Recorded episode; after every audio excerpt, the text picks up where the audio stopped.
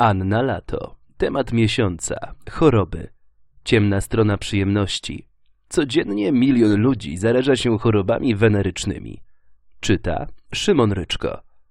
Seks jest na tyle przyjemną czynnością, że potrafi przyćmić rozsądek. Mózg w obliczu pożądania zapomina o bezpieczeństwie i pomija ryzyko.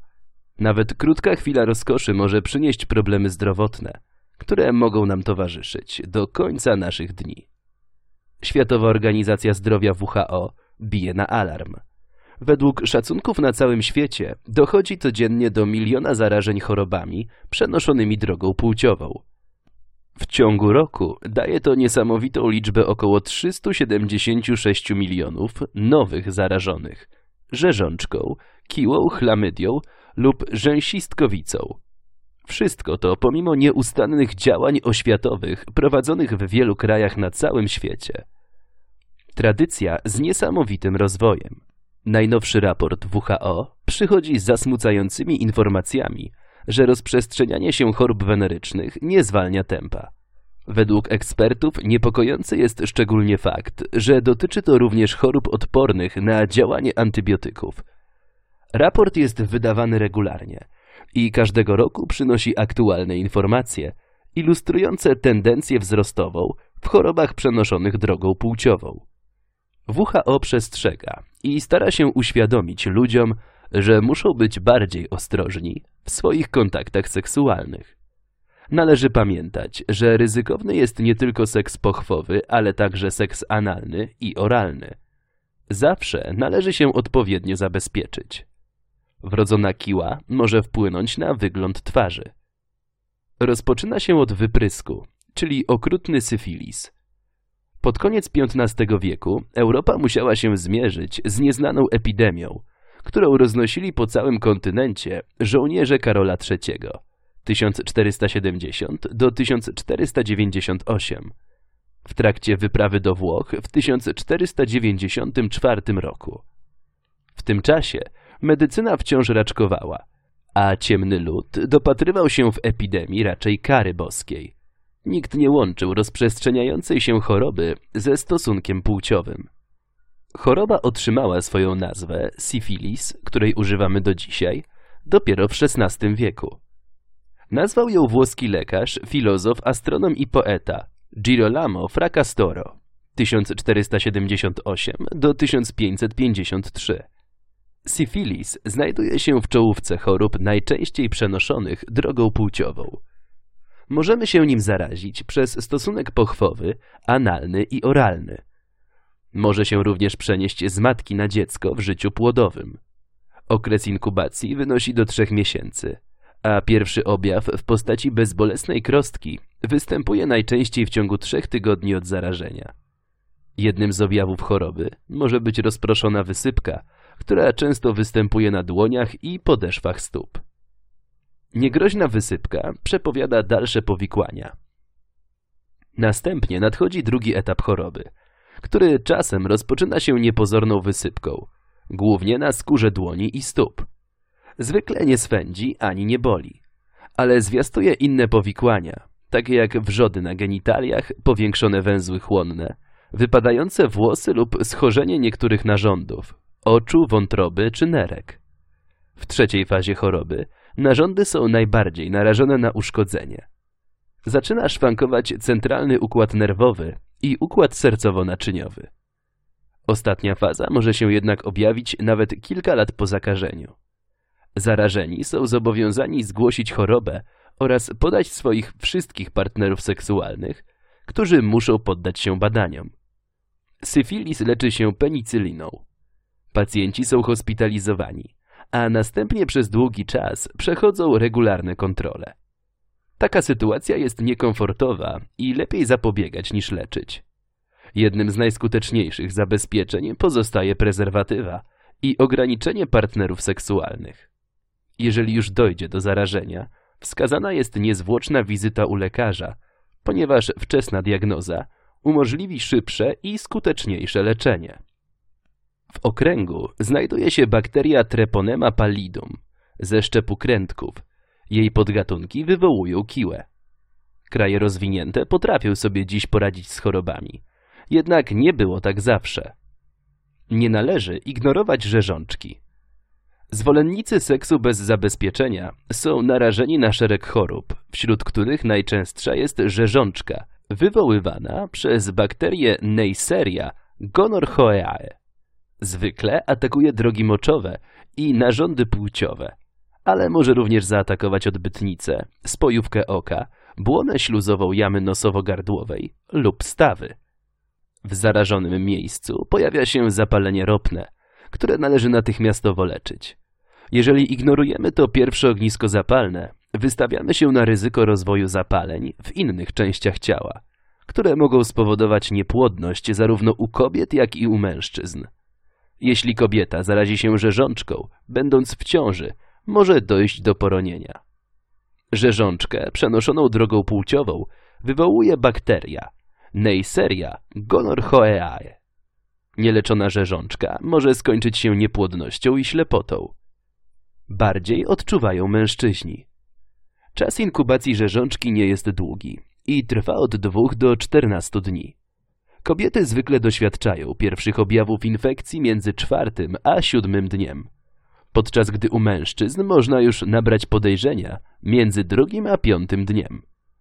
Oczywiście są też wyjątki, kiedy pierwsze objawy pojawiają się po kilku miesiącach.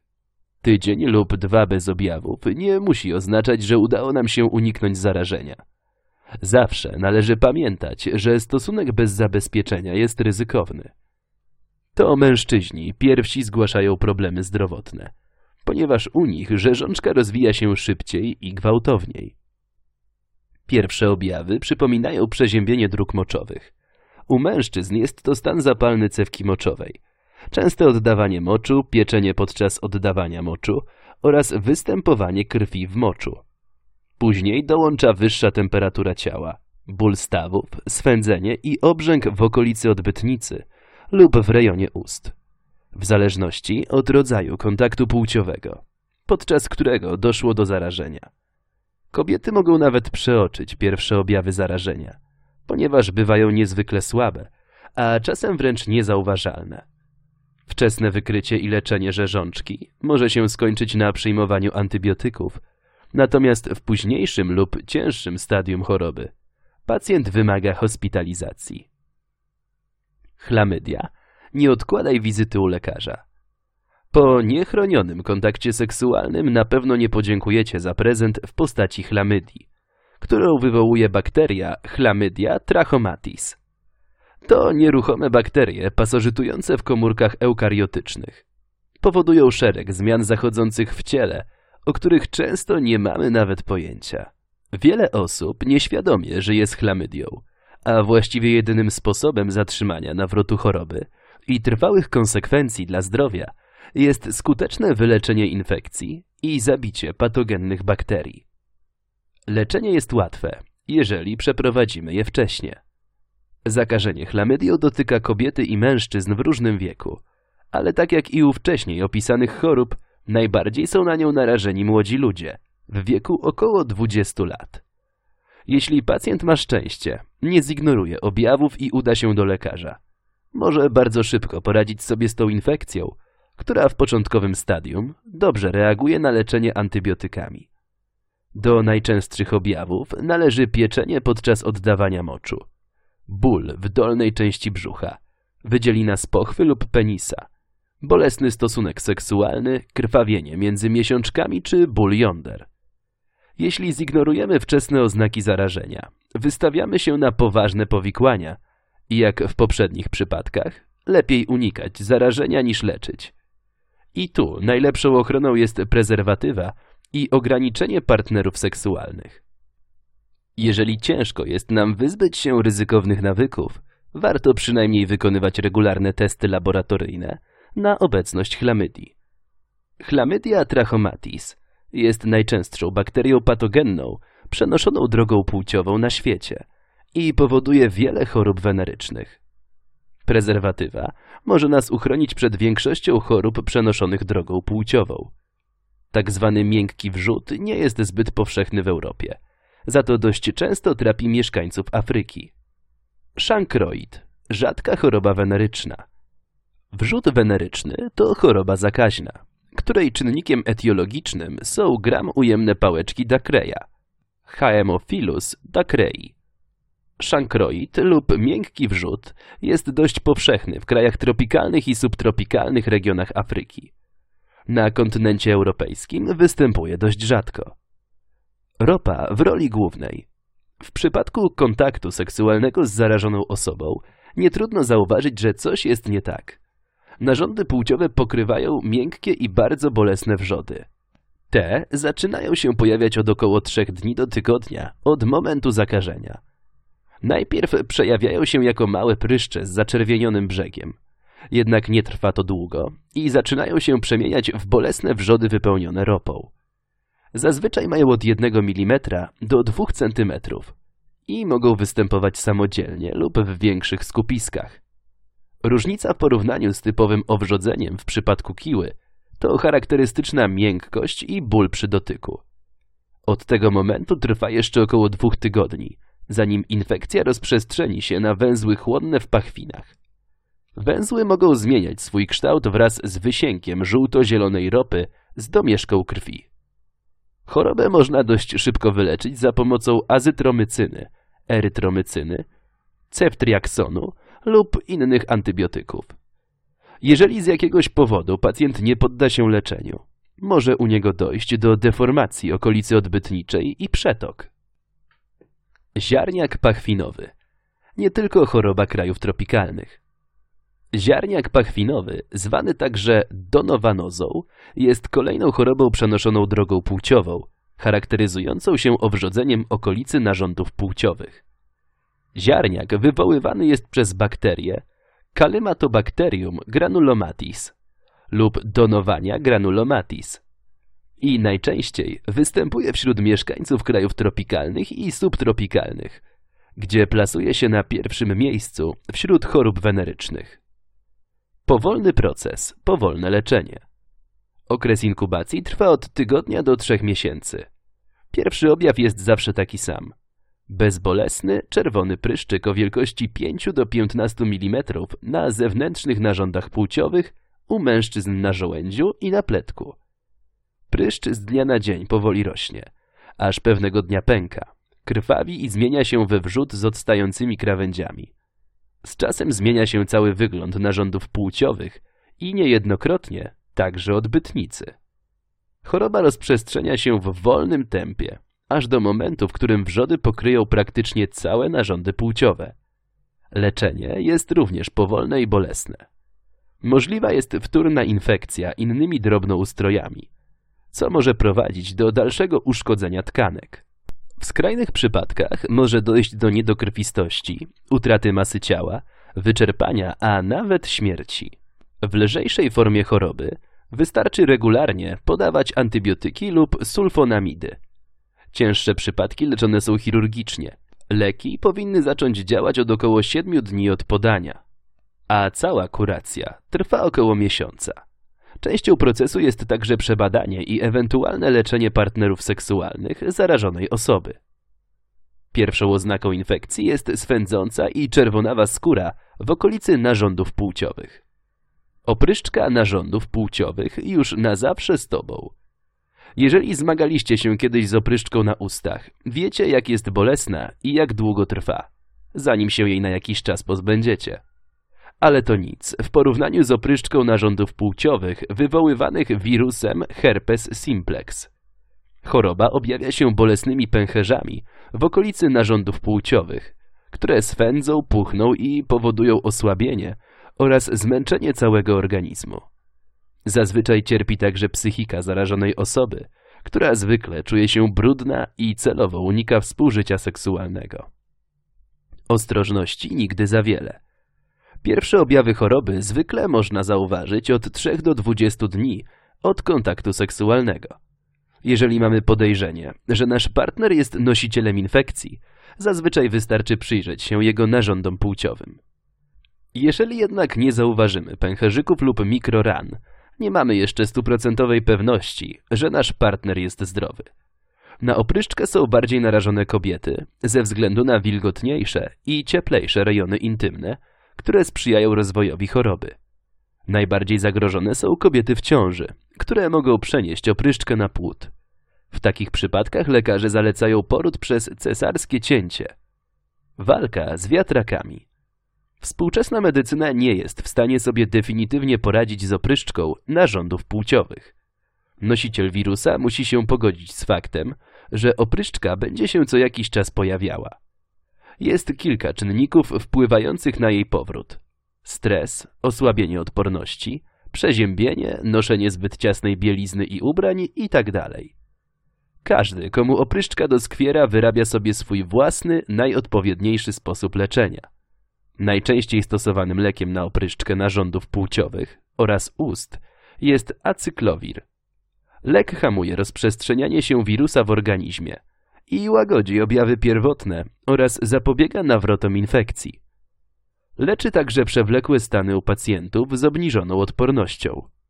Jednak nawet wczesne leczenie nie zapobiega pojawieniu się infekcji i przedłużającym się problemom z wyleczeniem. HIV Wirus, który od dziesięcioleci spędza sen z powiek naukowcom. Pochodzenia tego wirusa można upatrywać prawdopodobnie w Afryce Centralnej, w Kamerunie lub Kongo, gdzie testy genetyczne HIV wykazały najstarsze źródło. Istnieje kilka teorii o drogach rozprzestrzeniania się wśród ludzi, ale najprawdopodobniejszą jest ta związana z zarażonym mięsem małp. Wirus mutował kilkukrotnie, aż stał się groźny dla ludzkiego organizmu i zaczął się niekontrolowanie rozprzestrzeniać. Pierwszy odnotowany przypadek zarażonego człowieka miał miejsce w 1959 roku w Kamerunie. Po śmierci myśliwego odkryto w jego ciele osocze z zachowanym genomem HIV i przeciwciałami. HIV potrzebowało kolejnych 40 lat, aby zyskać uwagę lekarzy i naukowców na całym świecie. W niecałe pół wieku rozprzestrzenił się praktycznie po całym globie. Zdradliwe płyny. Płyny ustrojowe są źródłem zakażenia wirusem HIV, w szczególności krew, nasienie, mleko matki i wydzielina z pochwy. W znikomych ilościach jest również obecny w ślinie, pocie i łzach, ale nie powinno to zagrażać drugiej osobie. Najczęstszym źródłem zarażenia jest stosunek płciowy do pochwowy i do odbytniczy. Nieprofesjonalne przetoczenia krwi, zarażenia przez zainfekowane igły – oraz przenoszenie wirusa z matki na płód. Oprócz dwóch rodzajów stosunków seksualnych istnieje niewielkie ryzyko zarażenia się w trakcie seksu oralnego. Na szczęście dla nas wirus HIV różni się od większości znanych nam wirusów tym, że jest znacznie delikatniejszy i nie może przetrwać poza ciałem nosiciela dłużej niż 8 minut. Płyny ustrojowe są jedynym miejscem, w którym może przetrwać i zagrozić innym osobom. W krwi niektórych małp występuje wirus SIV, uderzająco podobny do wirusa HIV, który wywołuje AIDS u ludzi. Kiedy ciało staje w obliczu ataku na system immunologiczny. HIV zdradliwie atakuje komórki CD4, czym zaburza prawidłowe funkcjonowanie układu odpornościowego. Paraliżuje cały system, zanim organizm zdąży przygotować się na atak. Wirus ponadto infekuje inny rodzaj białych komórek krwi. Makrofagi, które odgrywają niezbędną rolę w reakcjach immunologicznych. Do tej pory trwają prace badawcze nad wynalezieniem skutecznego leku na zabicie wirusa. Na razie jednak nosiciel musi przyjmować dożywotnio leki hamujące rozwój HIV, wspierać swój układ odpornościowy oraz dbać o zdrowie. Pojawiło się kilka rewelacji na temat nowego środka, ale badania są w trakcie testów na zwierzętach. Nie można definitywnie wytępić wirusa. Ponieważ zarażonej osoby nie można całkowicie wyleczyć, lekarze koncentrują się na spowalnianiu niszczycielskiego działania wirusa w ciele człowieka. Zasadniczą rolę odgrywa wspieranie systemu immunologicznego, leczenie wczesnych infekcji oraz podawanie leków antyretrowirusowych. Terapia ma na celu zwolnienie tempa namnażania się wirusa w organizmie i jak najlepsze wspieranie układu odpornościowego. Jak na razie skuteczną metodą jest potrójna terapia skojarzona, powszechnie określana jako HART. Stosuje się ją od 1996 roku. Niestety terapia ma również wady. Długoterminowe przyjmowanie leków przeciwretrowirusowych zwiększa ryzyko wystąpienia skutków ubocznych. Wirus staje się lekko oporny i dla niektórych pacjentów sama terapia jest nieosiągalna, ponieważ jest niezwykle kosztowna. Choroba jest uważana za nieuleczalną. W krajach rozwiniętych można przynajmniej zwalczać objawy oraz zadbać o lepszą jakość i wydłużyć życie pacjenta. Nie jest to często możliwe w krajach słabiej rozwiniętych. Do celu wiedzie wyboista droga. Po odkryciu wirusa HIV medycyna nie potrafiła sobie z nim poradzić. Lekarze po omacku starali się leczyć pacjentów i narażali ich na złożony proces leczenia, w którym nieświadomie wywoływali raczej kolejne infekcje związane z upośledzeniem układu odpornościowego, niż pomagali zarażonym. Znacząca poprawa nastąpiła w 1985 roku, kiedy pojawił się pierwszy skuteczny lek. Żydowudyna, zwana także azydotymidyną, AZT. To tak zwany nukleozydowy inhibitor odwrotnej transkryptazy. Działanie leku ma na celu przerwanie procesu replikacji wirusa HIV w zainfekowanej komórce, czym spowalnia postęp zakażenia. Długotrwałe podawanie leku może wywołać działania niepożądane, w tym ciężką niedokrwistość i niewydolność szpiku kostnego, miopatię oraz zmiany skórne. Czasem już nawet po sześciu miesiącach powstaje oporność na AZT, powodujące mutację HIV. Lek jest nadal stosowany w znacznie mniejszych dawkach niż wcześniej. Z czasem liczba zalecanych leków w terapii zarażenia wirusem HIV urosła do trzech. Inhibitory, blokery, odwrotnej transkryptazy, inhibitory nukleotydów oraz blokery nukleozydowe i nienukleozydowe. Jednak prawdziwy przełom w leczeniu nastąpił w połowie lat 90. XX wieku, kiedy odkryto inhibitory proteazy HIV w połączeniu z inhibitorami odwrotnej transkryptazy. Stworzyły już wspomnianą terapię HART. Ponadto nieprzerwanie trwają prace nad opracowaniem leków opartych na innych mechanizmach, które uniemożliwiłyby przeniknięcie wirusa do komórki, dzięki czemu można by zapobiec rozprzestrzenianiu się wirusa na inne komórki organizmu. Metoda nie jest jeszcze w pełni zbadana, ale stanowi jedną z możliwych ścieżek, którymi mogą podążać eksperci do całkowitego unicestwienia wirusa. Dzięki zaawansowanej skaningowej mikroskopii elektronowej eksperci mają znacznie większe możliwości badania ultrastruktury HIV. Żółtaczka B nie zawsze pojawia się charakterystyczny żółty odcień skóry. Żółtaczkę typu B wywołuje wirus nazywany w skrócie HBV. Atakuje komórki wątroby, w których później się rozmnaża i powoduje zakaźne zapalenie wątroby, czyli wirusowe zapalenie wątroby typu B. Wątroba jest jednym z najważniejszych organów odpowiedzialnych za ciągłe tworzenie, przetwarzanie i wydalanie wielu ważnych substancji z organizmu człowieka. Nic więc dziwnego, że uszkodzenie wątroby prowadzi do wielu poważnych konsekwencji, w tym nawet do śmierci. Bardzo łatwo zarazić się HBV przez kontakt z krwią zarażonego, nasieniem lub wydzieliną z pochwy. Można się zaszczepić przeciw żółtaczce, co znacznie obniża ryzyko zarażenia się. Chorobę można rozpoznać od razu dzięki żółtemu zabarwieniu koloru białek oczu, ale nie jest to regułą. Możliwe objawy AIDS. Mózg, zapalenie mózgu, zapalenie opon mózgowo-rdzeniowych, oczy, zapalenie siatkówki oka, płuca, zapalenie płuc, gruźlica, nowotwór, skóra, nowotwór, system trawienny, zapalenie przełyku, biegunka, nowotwór. Wytrzymalsza wersja. W zależności od szybkości wyleczenia żółtaczki typu B można podzielić ją na dwie formy – żółtaczkę ostrą i przewlekłą. Ostra postać żółtaczki może być bezobjawowa, ale czasem towarzyszą jej objawy mylone z grypą lub nieżytem przewodu pokarmowego. Gorączka, nudności, częste wymioty, ból mięśni i stawów. W zaawansowanym stadium choroby może pojawić się najbardziej charakterystyczny objaw, a mianowicie żółty kolor skóry, zażółcona twardówka i błona śluzowa jamy ustnej – do całkowitego wyleczenia wystarczy kilka tygodni pod nadzorem lekarza. ale nadal istnieje około 10% przypadków, w których choroba przeradza się w postać przewlekłą. Wirusowe zapalenie wątroby dzielimy także ze względu na przyczynę, a mianowicie typ A HAV przenoszony drogą pokarmową, związany z brakiem higieny.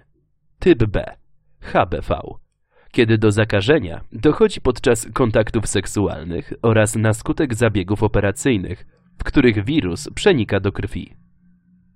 Kobieta w ciąży może przenieść wirus na swoje dziecko w okresie okołoporodowym. Najbardziej niebezpieczny typ C, HCV, na którego nie ma jeszcze szczepionki. Aby się nie zarazić, należy stosować prezerwatywy oraz dbać o higienę przed procedurami medycznymi. Typ D, HDV, współistnieje z zakażeniami HBV i ostatni, najrzadziej występujący typ E, HEV, którym można się zarazić drogą pokarmową. Żółtaczka typu B atakuje przede wszystkim wątrobę. Jest odporna, przeżywa w kropli wysuszonej krwi do kilku tygodni. Krew pomoże w diagnostyce. Dokładna diagnoza może zostać postawiona dopiero na podstawie badania krwi. Czasami trudno właściwie zdiagnozować żółtaczkę, ponieważ większość wczesnych objawów może sugerować inne, mniej poważne choroby. Kiedy zostanie zdiagnozowana, należy również właściwie określić jej typ, co na początku nie jest jednoznaczne. Najlepszą metodą w określeniu nadal pozostaje badanie krwi. Ostre zapalenie wątroby typu B nie wymaga hospitalizacji, ale pacjent musi przestrzegać ścisłej diety, unikać stresu oraz jak najwięcej odpoczywać. W cięższych przypadkach stosuje się leki przeciwwirusowe. Jeśli jednak dojdzie do marskości wątroby, jedyną pomocą jest przeszczep tego narządu. HPV wystarczy mało, aby się zarazić. Pod tymi trzema literami skrywa się zdradziecki wirus brodawczaka ludzkiego. Wirus ma obecnie około 100 różnych form, w tym 30-40 niezwykle niebezpiecznych, w szczególności związanych z obszarem genitaliów. HPV jest obecnie najczęstszą infekcją przenoszoną drogą płciową, a 80% z nas styka się z nią w ciągu swojego życia. Większość jednak nigdy się o tym nie dowie, ponieważ infekcja przebiega bez spektakularnych objawów i nie powoduje większych konsekwencji zdrowotnych. Problem pojawia się, kiedy infekcja nie zniknie samoistnie, ale będzie się rozwijać i spowoduje kolejne choroby. Wirus brodawczaka ludzkiego jest wirusem atakującym również skórę i błony śluzowe. HPV atakuje wyłącznie ludzkie komórki i człowiek jest jedynym jego nosicielem. Ostrożnie z pęknięciami. Do zarażenia się tym wirusem nie dochodzi ani drogą kropelkową, ani przez brudne ręce czy inne zarażone obiekty. Jak jest w przypadku rotawirusów. Jedynym sposobem przekazu jest bliski kontakt błon śluzowych ze skórą. Ponadto skóra lub błona śluzowa muszą być uszkodzone. Otarcia, pęknięcia i tym podobne. Aby wirus mógł przeniknąć do tkanek organizmu. Nic więc dziwnego, że w zdecydowanej większości przypadków do zarażenia dochodzi podczas stosunku płciowego, pochwowego, analnego i oralnego. Stosunek analny wydaje się najbardziej ryzykowny, ponieważ jest to obszar pozbawiony naturalnej wilgoci i jest bardziej podatny na pęknięcia. Ponieważ już wielokrotnie potwierdzono obecność wirusa w okolicach odbytu kobiet, które nigdy nie praktykowały stosunku analnego, naukowcy stwierdzili, że wirus może się rozprzestrzeniać po tkankach organizmu. Odnajdywano również wirusa na strunach głosowych i w drogach oddechowych, co również sugeruje przenoszenie się wirusa między tkankami lub za pośrednictwem wydzielin z narządów płciowych. Nie dotyczy to jednak wysuszonych wydzielin, które nie stanowią już zagrożenia. Niebezpieczeństwo raka Do zakażenia HPV dochodzi częściej u kobiet, które w przypadku utrzymującej się infekcji są narażone na zwiększone ryzyko uszkodzenia komórek szyjki macicy i tworzenie się zmian przednowotworowych lub poważnego uszkodzenia macicy. Aby jak najwcześniej wykryć chorobotwórcze zmiany, ginekolodzy przeprowadzają test cytologiczny lub PAP, to jest badanie Papa Nicolau, które pomaga wykryć obecność nieprawidłowych komórek we wyściółce szyjki macicy. Ponieważ wczesna diagnostyka wirusa oznacza połowę sukcesu w leczeniu, najlepiej jest poddawać się regularnym badaniom ginekologicznym i powiadomić niezwłocznie lekarza w przypadku zaobserwowania jakiejkolwiek alarmującej sytuacji. Choroby szyjki macicy, w tym najgorsze stadium raka, to powolny proces chorobowy. Po pierwsze, badane są zmiany przednowotworowe, które nie zawsze muszą się przeistoczyć w poważniejszą chorobę. Najcięższą formą jest właśnie rak szyjki macicy, który jest drugą, najczęstszą złośliwą chorobą, a trzecią w kolejności przyczyną śmierci wśród kobiet. Nie odkładaj badań. Czas ma zatem kluczowe znaczenie i jeśli choroba zostanie odpowiednio wcześnie wykryta, jeszcze w stadium przednowotworowym, pacjentkę czeka tylko zabieg konizacji szyjki macicy. Pomimo pozornej prostoty zabiegu potrafi solidnie nadwyrężyć psychikę pacjentki – ponieważ należy zdać sobie sprawę, że problem często powraca. Prowadzi to do powtarzających się zabiegów, które zwiększają prawdopodobieństwo problemów w trakcie ciąży. Jest to jednak na pewno lepsza opcja, ponieważ nieleczone stany przedrakowe nie będą wiecznie trwać w uśpieniu i może się rozwinąć złośliwa forma guza. Jest dość ciężki do wykrycia, a im później zostanie zdiagnozowany, tym lekarze dają pacjentce mniejsze szanse na przeżycie. W grupie zwiększonego ryzyka znajdują się palaczki, kobiety z brodawkami narządów płciowych, te, które mają wielu partnerów seksualnych oraz z upośledzonym układem immunologicznym. Szczepienia jako bezpieczny krok do życia seksualnego.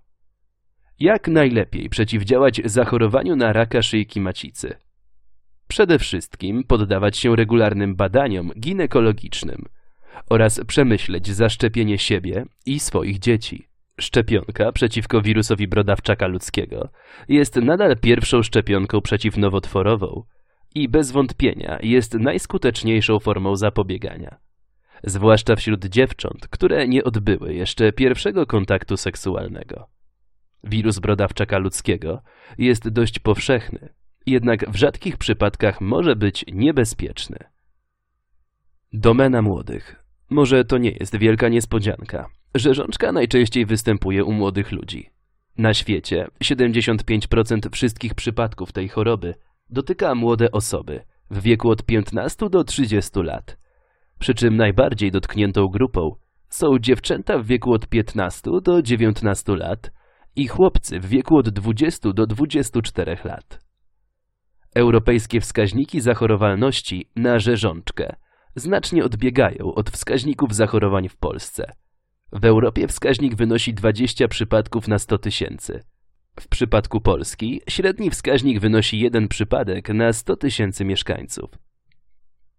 Transplantacja jako rozwiązanie. Na początku 2019 roku świat obiegła informacja o drugiej osobie, która zwalczyła wirus HIV po udanym przeszczepie szpiku kostnego od zdrowego dawcy. Sukces brytyjskich lekarzy doprowadził do entuzjastycznej reakcji całego świata, która upatruje w nim sposobu na ostateczne pokonanie HIV. Ale sytuacja nie jest tak różowa, jak wygląda na pierwszy rzut oka. W rzeczywistości jest to raczej szczęśliwy zbieg okoliczności, który wystąpił podczas leczenia raka i według ekspertów nie jest to innowacyjny sposób na wyleczenie nosicieli wirusa. Przeszczep szpiku kostnego jest dość kosztowny i ryzykowny, a wielu pacjentów może go przepłacić życiem. Dlatego nie można go traktować jako leku dla wszystkich osób zarażonych HIV. Jak to jest ze szczepieniami? Obecnie istnieje kilka rodzajów szczepionek przeciw wirusowemu zapaleniu wątroby typu A, B lub szczepionki skojarzone przeciwko obu rodzajom żółtaczki zakaźnej.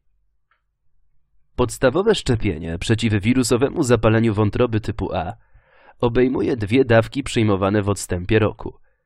Szczepienie przeciwko wirusowemu zapaleniu wątroby typu B i szczepionka skojarzona przeciwko żółtaczce A i B podawana jest w trzech dawkach w odstępie miesiąca i pół roku od pierwszej dawki. Po tej serii nie ma potrzeby podawania żadnych dawek przypominających. Organizm powinien być do końca życia odporny.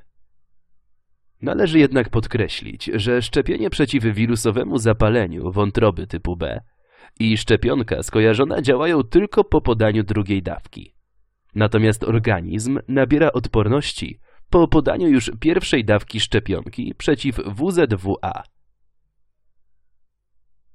Co z mężczyznami? Chociaż o mężczyznach w związku z HPV mówi się znacznie rzadziej i dla nich ten wirus jest dość groźny. Większość mężczyzn spotyka się z HPV podczas swojego życia, ale często są tego nieświadomi, ponieważ ich układ odpornościowy radzi sobie ze zwalczeniem wirusa. Pozostali niestety muszą się zmierzyć z tym, że mogą zachorować. Problem stanowi brak męskiego odpowiednika badania przesiewowego w kierunku raka szyjki macicy, które zapewniłoby wykrycie wczesnego stadium choroby.